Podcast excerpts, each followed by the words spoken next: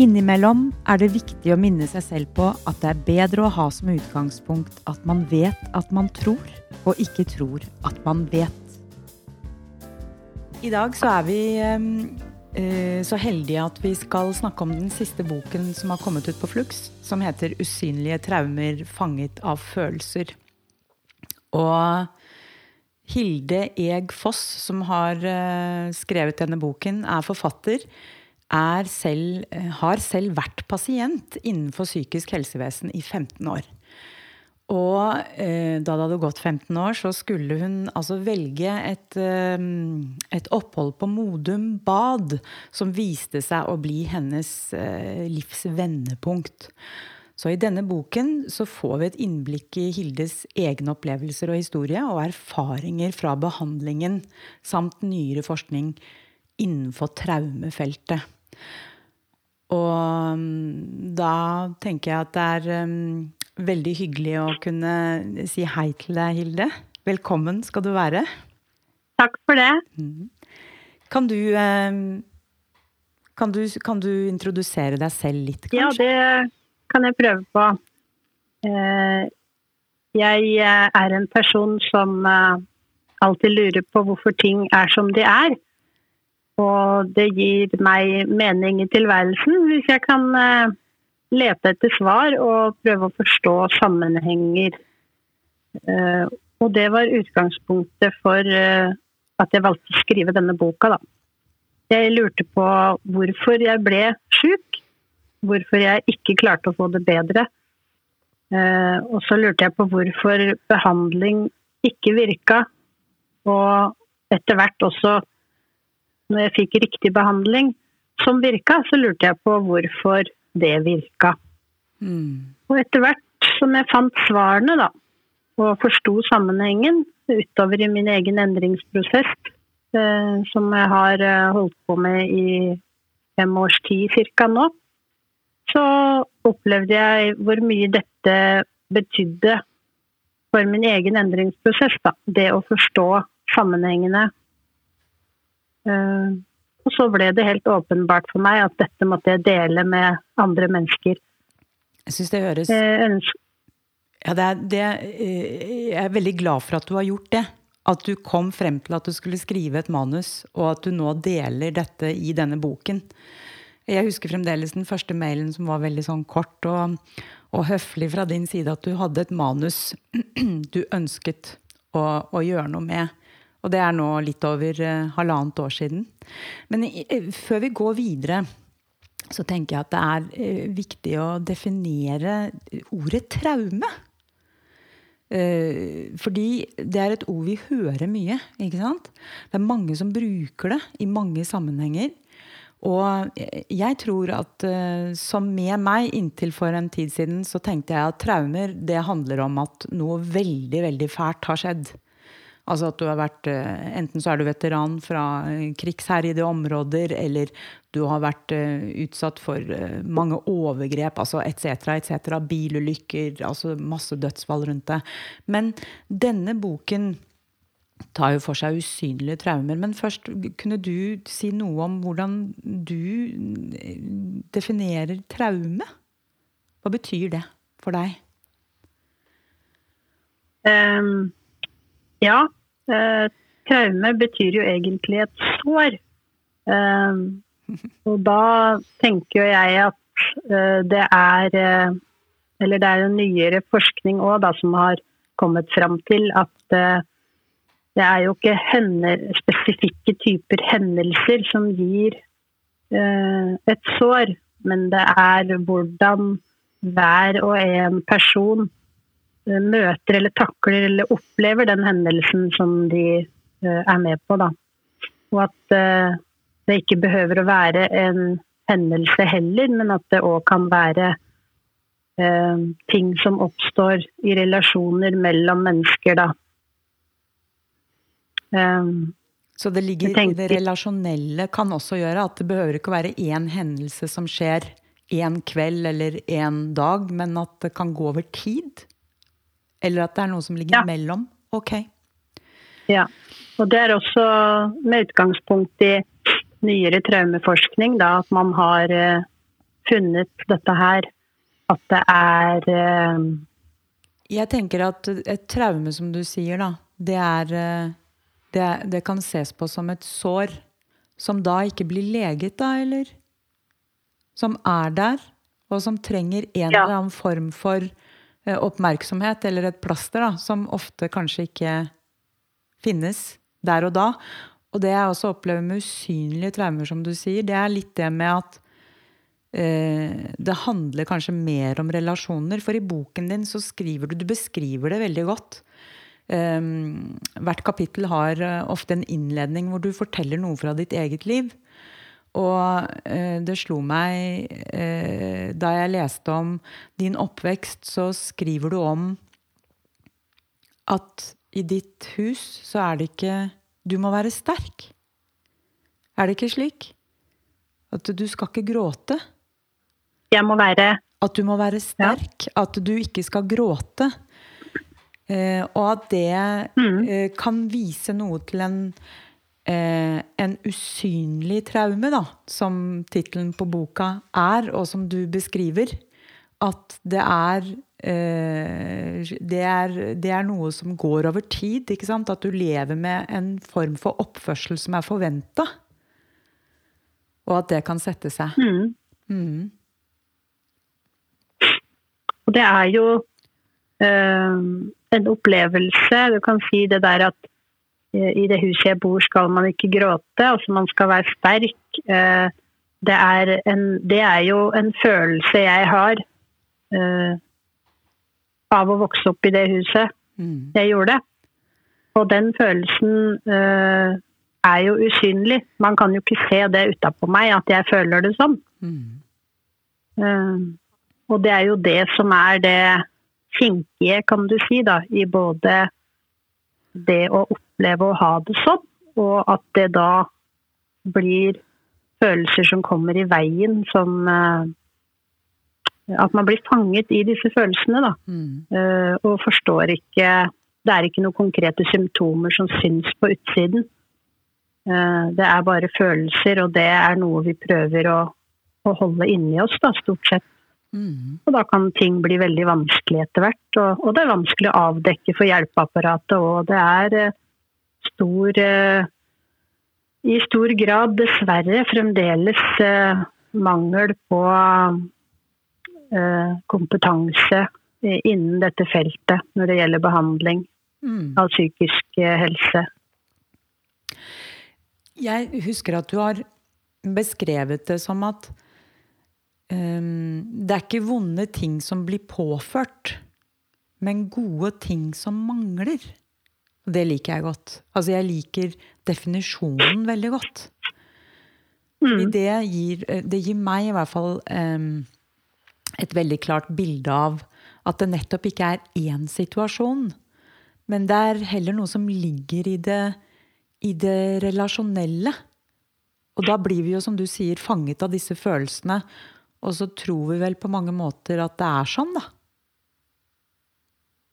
Ja, altså når dette gjentas over tid med et lite barn som opplever slike ting eh, Altså ikke, ikke opplever noen spesiell hendelse, men opplever disse typer følelsene, da, problematiske følelser, i stor grad eh, som et mønster i eh, løpet av oppveksten, så gir jo det den personen en måte å møte resten av verden på. Det handler om følelsen at når det går over tid, og det ligger i det relasjonelle, så er det veldig vanskelig for et barn å forholde seg til det. Og samtidig også, som du sier, så er det vanskelig å få øye på det. Så jeg vet også at mm. Eh, når man da har noen sånne usynlige traumer som når vi snakker sammen, så tenker jeg at nesten alle har det.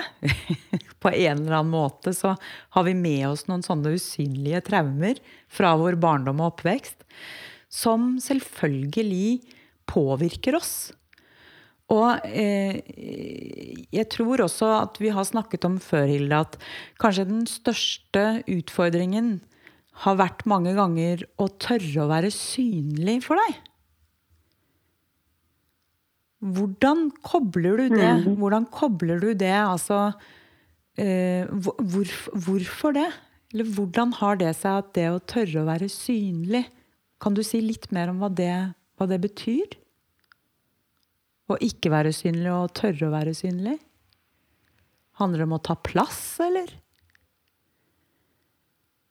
Um, ja, altså uh, Ut ifra min erfaring, da, så uh, har det jo uh, eh, handla mye om at uh,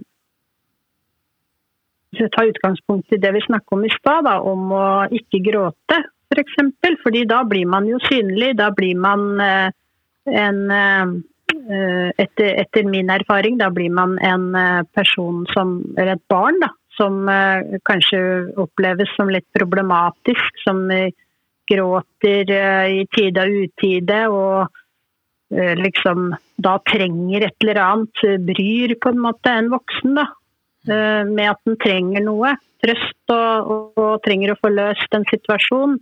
Og hvis man da blir møtt på en måte som at man føler det som at man er til bry, så blir jo det å være synlig blir jo vanskelig etter hvert, fordi man er erfarer at uh, man blir ikke møtt. Hvis dette skjer gjentatte ganger, selvfølgelig, over tid. Det er jo, må jeg understreke det. Mm. Um, at det er det det handler om. Mm. Så kommer disse følelsene av at man ikke uh, har noe verdi da, for den andre eller for foreldrene. Fordi at man uh, ikke blir tatt vare på da, når man har noe behov, når man gråter for å si ifra. Mm. Uh, da blir det tryggest å være usynlig, for da går man ikke inn i det rommet hvor man liksom utfordrer og uh, trenger noe fra andre mennesker, da. Mm. Jeg vet ikke hvorfor jeg får det, men jeg får opp sånn snill, snill pike eller snill gutt-syndrom også her. Altså at hvis vi bare oppfører oss sånn som alle andre vil, som vi selv har funnet ut av, ikke sant? Så, så, så går det bra. Og så er det akkurat som den der lille ja. Sinnatagen egentlig burde være mye mer til stede.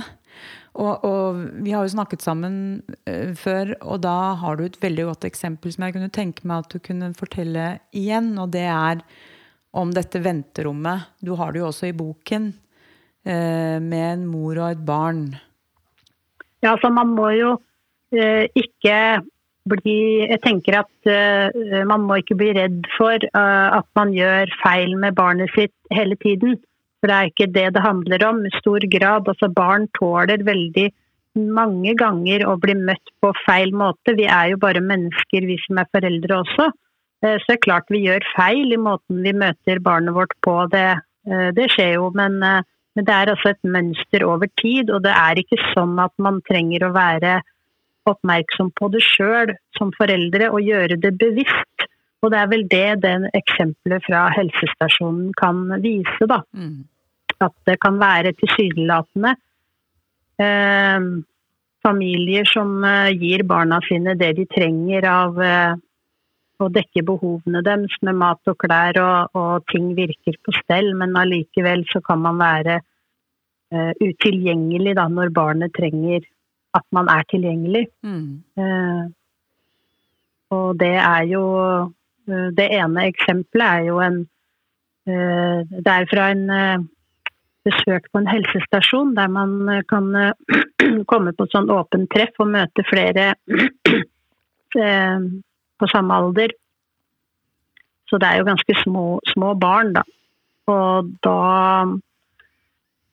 vil den ene at um, Eh, man kan liksom se hvordan eh, mor og barn eh, samspiller, da, og mora er liksom inntone mot ungen sin og lar den komme ned på gulvet når den er trygg nok til det. Og barnet vil jo prøve å krabbe bortover til de andre barna. og vil snu seg underveis for å sjekke med mor at dette er trygt og greit, og mor oppmuntrer og smiler tilbake, og da blir barnet trygt, og så kan det søke enda lenger ut til de andre barna.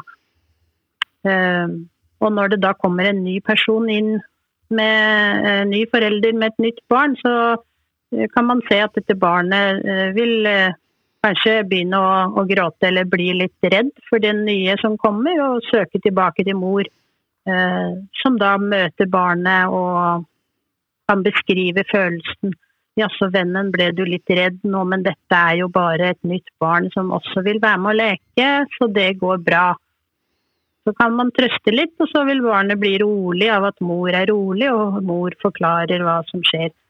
Og så kan barnet gå ned igjen og prøve seg litt eh, frampå med de andre og, det nye barnet etter hvert.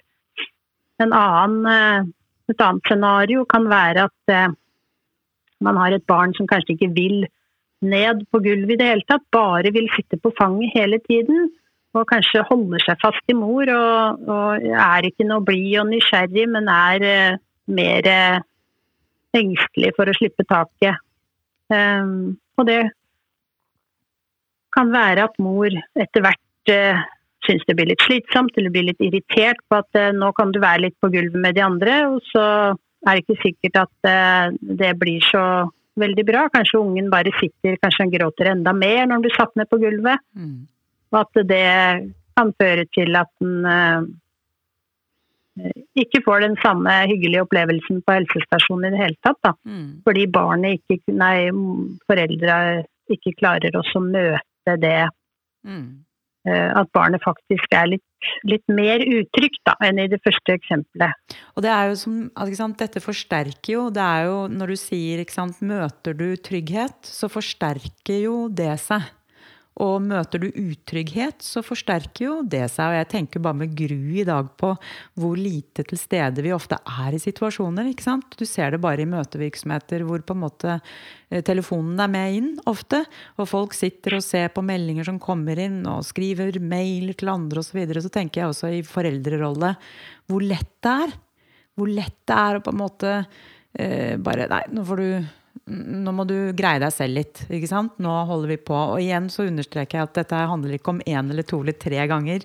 Det må være et mønster. Men, men det er noe med dette med eh, å bli møtt. Å bli møtt også når du gråter, da.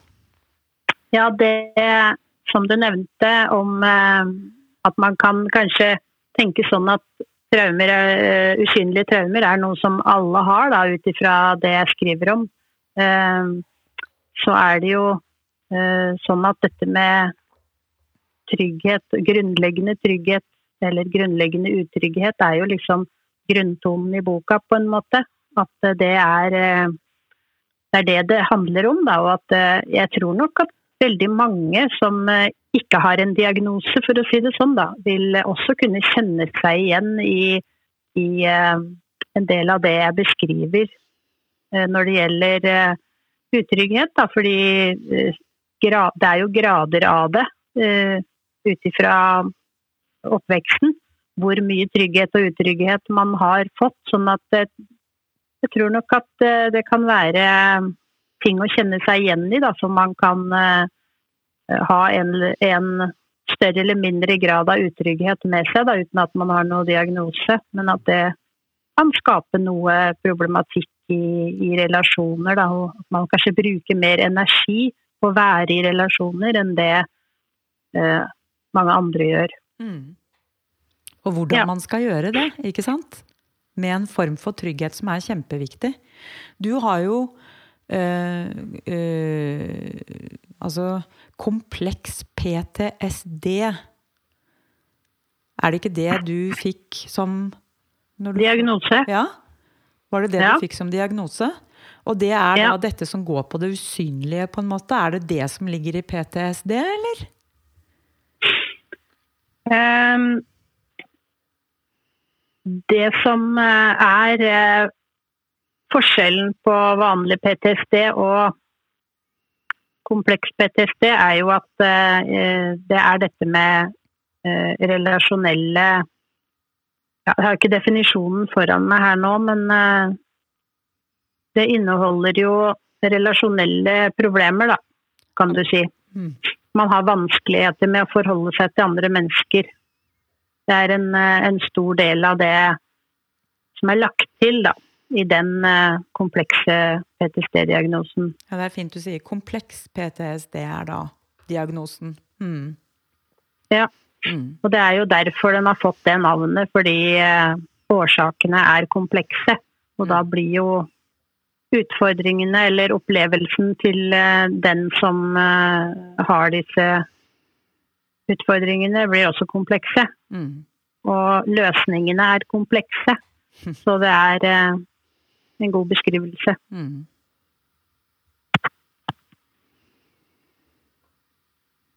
Du begynte innledningsvis med å si at du visste, du skjønte egentlig ikke helt hvorfor du hadde det sånn som du hadde det.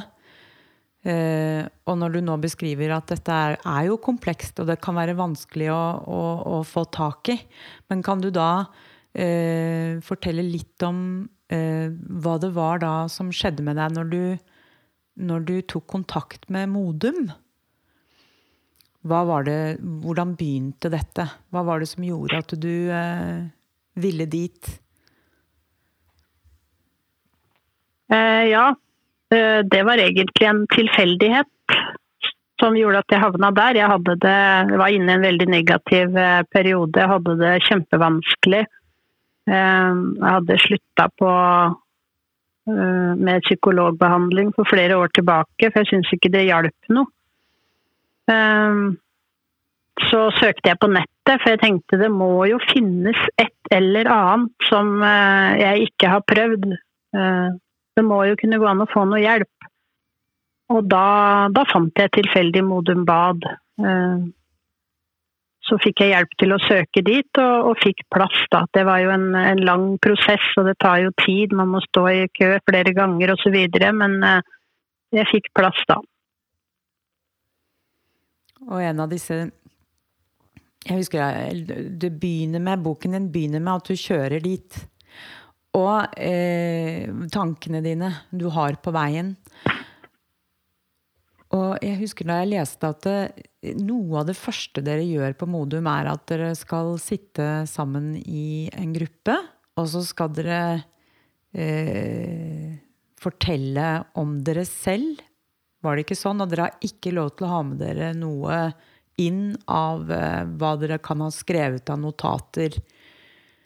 Og når dere gjør det, så får du en kjempereaksjon. Fordi eh, sånn som jeg opplever det, da, nå må du arrestere meg hvis jeg sier noe gærent her, så er det at det er veldig viktig med en form for kontroll. Altså at det ligger mye trygghet i det å, å, ha med seg det man liksom vet man skal si, eller at uh, man er liksom trygg på at man uh, har kontroll på situasjonen. Og da opplevde du på en måte at å nei, her, her har jeg ingenting annet liksom, enn kanskje meg selv eller et eller annet. Så det du gjorde, det du gjorde er at du, du reiser deg og, og går, løper ut av rommet. Og så skriver du egentlig ikke før eh, litt senere Det går jo bra, men da ble jeg så nysgjerrig på hva var det de gjorde da? Når du da reiser deg og løper ut av rommet, hva skjer så? Mm. Um, da løper det to personer etter meg. En uh, psykiater og en psykologspesialist kommer løpende. Uh, så løper jeg ganske langt av gårde innover uh, området på Modum Bad. Eh, så, men så stopper jeg til slutt, da, når hodet mitt eh, roer seg lite grann. Eh, og da tar de jo meg igjen, og så snakker vi litt om det som skjedde. Men det er jo godt å bli møtt på en sånn måte som jeg ble møtt på. At de ikke dømmer meg eller forklarer mm. Ikke sant? Mm. At det, sånn kan vi ikke ha her. Folk kan, dere er jo voksne, man kan ikke bare løpe av gårde midt i gruppeterapi, liksom. Mm. Hva er det du holder på med? Så mm, det var vel uh, det å bli møtt med at dette skjønner vi var veldig vanskelig for deg. Og at det liksom er greit, da. Mm. Å reagere når man har det vanskelig. Så grunnen til at akkurat jeg hadde det vanskelig akkurat da, det spiller ingen rolle. Poenget er at jeg har det vanskelig, og de uh, møter da det med å akseptere det. At uh, det er greit å ha det vanskelig, det er jo derfor du er på Modum, ikke sant? Mm. Ja, og, og, og, de tar det ikke vekk fra det. De tar det ikke bort, Nei. hører jeg. De, de snakker, det ikke, snakker det ikke bort eller forklarer 'nå hadde du en skikkelig flight-reaksjon'. Det er ikke sånn, liksom. Men uh, det er klart noe man kan snakke om etterpå, hva det var som skjedde. Men uh, for min del så det, blir det veldig sammenlignbart med, med barneoppdragelse, da. Mm. At uh, man, eh, måten man møter barn på som viser en atferd man ikke liker, mm. det er jo veldig mye av det. Mye atferdsproblematikk rundt barn. Uh, både små og store barn og ungdommer og alt sånt. Og jeg tror det er veldig lett å møte en, en sånn uh, oppførsel som blir litt utafor det vi ønsker, da. Med eh, og dømme det og si at nå må du ta deg sammen og du kan ikke oppføre deg sånn, du er tross alt tolv år, liksom. Eller 16, eller ikke sant. Sånn at man ofte tar den der eh, tonen der da og snakker til den eh, fornuftsdelen av hjernen, da. Mm. Som overhodet ikke virker akkurat da. Mm. Eh, så det å møte personen der den er, og forstå at men det ble vanskelig for meg akkurat nå. Uh, uavhengig av uh, om det er greit å ha det vanskelig, liksom, så er det vanskelig nå. Mm. Og at vi også kan uh, bruke dette her i veldig mange settinger. Da, måten vi forstår den andre på som har det vanskelig. Mm. Det blir en form for aksept av situasjonen før du prøver å forandre den. Og i mange tilfeller i dag så tror jeg at vi går rett på å forandre. Altså Hvis man f.eks. Ja. sier at sånn som dette kan du ikke oppføre deg, det er jo en forandring i seg selv. Istedenfor mm. å liksom møte det, som du så fint sier. Og det å bli møtt med det som faktisk er, er viktig. Ja. Og det er vel det som uh, fører til at man uh, kan begynne å oppleve det som er trygghet, da som man ikke har, eller ikke jeg i hvert fall, hadde noe mye av uh, før jeg kom til Modum. Mm. Så er det det å bli akseptert, det at det jeg føler faktisk er helt greit. Det gjør at jeg føler meg trygg. Og når man føler større grad av trygghet, så er det lettere å komme noen vei da, med endringsprosess. Jeg tror det er helt avgjørende. Det jeg også la merke til ved Modum, var um, Eller du, jeg har litt lyst til å høre Hvis du skal trene deg på altså Noe her som du også skriver om, det er at det blir lagt et ansvar på deg. Det blir, et, det blir lagt ans, Ansvaret blir gitt til deg som menneske for din egen situasjon. Si litt mer om det. Um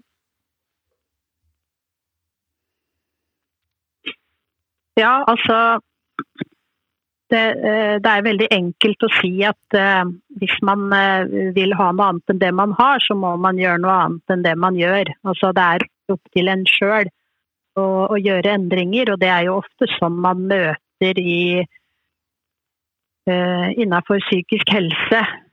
at man liksom bare får beskjed om at ja, men du må ta noe andre valg for deg sjøl enn du har gjort til nå. Men det, det forstår jo jeg òg at jeg må, men det er det å gjøre det i praksis som er vanskelig. Mm. Men øh, øh, når man ikke får øh, liksom, På Modum fikk vi ikke tydelige beskjed om at du skal gjøre sånn og du skal ikke gjøre sånn for å bli bra, men du skal Altså, de, de ga meg bare verktøy, og de fikk meg til å tenke sjøl, da som en slags veiledning, på en måte. Mm -hmm. uh, uten å gi noe tydelige svar. For uh, når man gir tydelige svar, så er det så veldig lett for å uh, å oppleve at man ikke strekker til hvis man ikke klarer å gjøre akkurat det de som de sier at du skal gjøre. Da. Mm. Du må spise sunnere, du må gå en tur hver dag, for det er bra for psykisk helse. Mm. Da blir du kvitt depresjonen din. Eh, og så hver gang man ikke klarer å gjøre det, så blir man jo bare dratt lenger inn i depresjonen fordi at eh, man føler seg så utrolig mislykka som ikke klarer de tingene som man vet er riktig, da. Mm. Eh, men på Modum så ble liksom det veldig tydelig at ja, det er mulig å skape endring, men du må bidra sjøl. Mm. Eh, Det ble en veldig stor eh, kontrast for meg, i hvert fall, fra det jeg hadde møtt av innen psykisk helsevesen tidligere, da, hvor man eh, både i kommunal psykisk helsetjeneste og i spesialisthelsetjenesten så var jeg vant til å bli møtt med at man kommer inn på kontoret, og så har de en eller annen måte å løse problemet på. Og så satt jeg bare i stolen og tok imot den løsningen. Mm. Eh, men sånn var det ikke nå. Nå var det sånn at ja da, de kan hjelpe deg, men eh, er du interessert i å bidra noe sjøl? Hva kan du sjøl bidra med? For uten at man bidrar sjøl, så, så blir det ingen endring.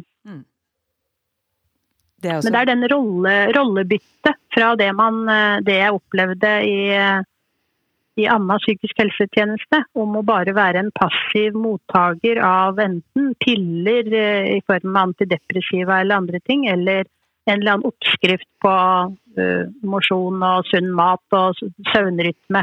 Punktum, liksom. mm. Så det var en veldig aktiv. stor forskjell. Mm. Ja. Du må faktisk være aktiv i prosessen selv, som jeg, jeg, jeg eh, tror er eh, Ja, eh, det sier du jo. Er helt avgjørende.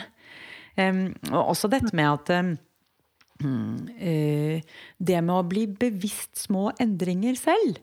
Fordi ofte så eh, Vi forteller oss jo selv hele tiden historier, ikke sant? Om vi er eh, vellykket, mislykket, fått til ting, ikke, osv., osv. Eh, mm, det de også gjorde, var at de eh, fikk dere til å skrive eh, svar på samme spørsmål uke etter uke etter uke. Sånn at man etter hvert kunne gå tilbake og se, selv om kanskje man kan oppleve å nei, nå har jeg hatt en forferdelig måned.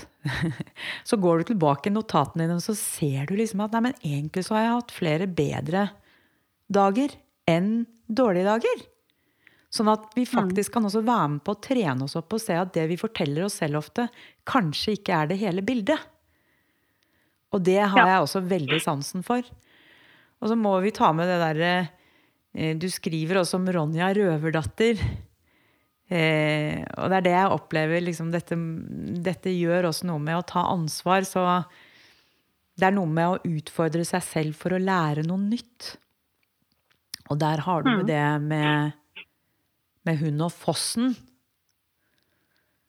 Kan du si noen ord om det selv? Hva er det som skjer? Det er faren, ikke sant? Eller Ronja?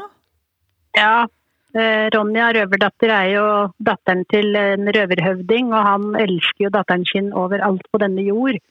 Eh, Han er jo liksom en sånn stor, farlig mann, men eh, når det kommer til datteren, så er han en sånn eh, myk, liten eh, klump. så han er veldig glad i henne. Og han, eh, hun går ut i skogen hver dag for å, å leke. Og da er han veldig sånn der eh, påpasselig pappa, og ja, du må passe deg for det og passe deg for det og sånn. Og da sier han annet at du må passe deg for fossen, Ronja. Ja, da sier Ronja. Passe meg for fossen. Ja, passer du deg for fossen, sier han hver eneste dag. Og hun bare ja da, det går fint. Jeg passer meg for fossen.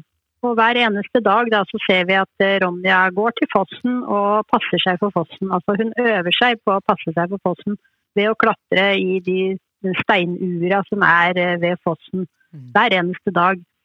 Så, og det syns jeg for meg ble et veldig bilde da, på hva man må gjøre. Altså, hvis hun skulle gjort som faren sa og gått inn i skogen, da hadde hun jo passa seg på fossen eh, sånn som han ville, men da da Hun hadde hun jo ikke lært. Nei, ikke sant? Hun hadde unngått den helt, på en måte. Hun hadde ikke, Ja, hun hadde ja. ikke gått nær den. Så det du beskriver, er at du må faktisk gå nær det vanskelige, på en måte. For å, Ja. for å lære deg til hvordan du skal forholde deg til det. Ja, og det, det gjelder jo i alle situasjoner. Altså, man kan ikke lære seg å sykle ved å sitte ved kjøkkenbordet og se på noen sykle, liksom. Ut av vinduet. Det, man må gå bort til sykkelen og sette i gang med den. Ja, det er nettopp Og det samme gjelder med psykisk helse. Altså, man kan ikke sitte hjemme og se ut av vinduet og synes synd på seg sjøl. Sitte i sofaen og stirre i veggen og tenke at 'å, jeg har det fælt'. Men man må sette i gang med noe. Øve seg. Mm. Jeg syns det er et kjempefint eksempel. Og det er jo ikke det, jeg skal ikke oppfordre alle til å gå i fossen, men altså det, er, det, er, et veldig fint og billedlig eksempel som sier noe om at vi At det kan gjøre vondt. da. At man kan kjenne på mye redsel også når man er i eh, situasjoner som faktisk er godt for en. Jeg syns du har skrevet så godt om din reise og så klart og tydelig, og det er så fint å høre det fra en som har erfaring selv. Og det som du også begynte med, er at du syns jo at det er lite altså, det, Eller la oss snu det rundt. Det kunne vært mye mer kompetanse på dette området i dag. I helsevesen generelt. Og, og du skriver også i forordet at det du ønsker, er eh, på mange måter å være en erfaringskonsulent. Eh, og når jeg leste det, og boken er i seg selv, eh, kan du bruke som en konsulent, ikke sant? Hvis man har det vanskelig og prøver å forstå seg selv. Men eh, kan du si litt mer sånn avsluttende om det med hva du legger i hvor, Hvorfor er det viktig for deg å være erfaringskonsulent? Og jeg tenker, hvorfor er det viktig med erfaringskonsulenter? I et slikt arbeid som dette? Ja, altså det, det, blir jo Det har jo vært en sånn stigende interesse eller eh, Ja, for eh, dette med brukermedvirkning. Det har jo blitt mer eh, kommet inn i føringer, nasjonale føringer og, og sånt noe lovverk angående psykisk helse.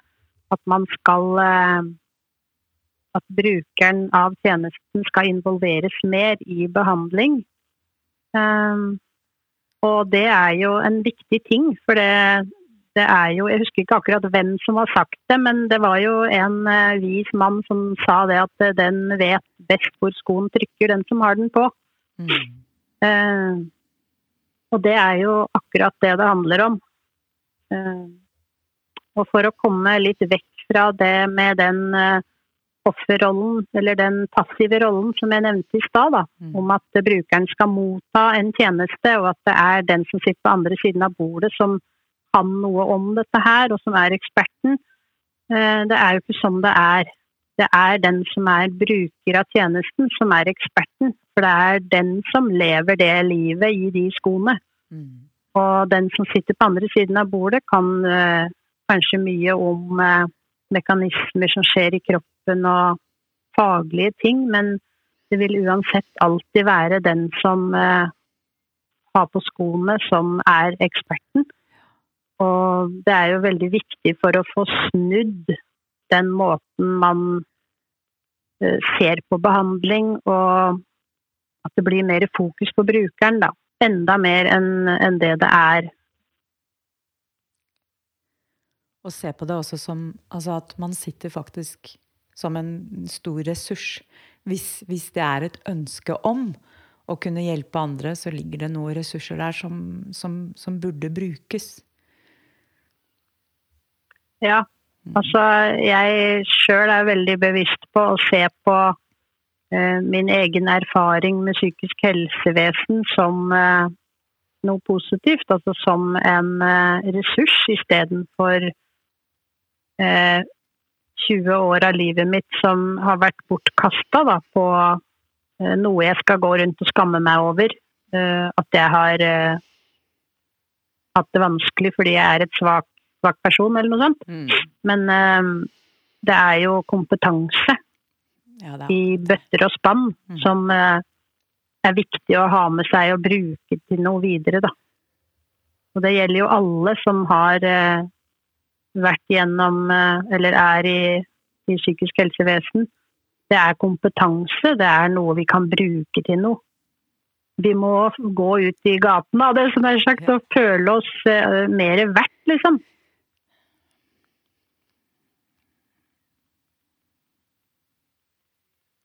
Hilde, dette har vært uh, Det har vært fint å prate med deg.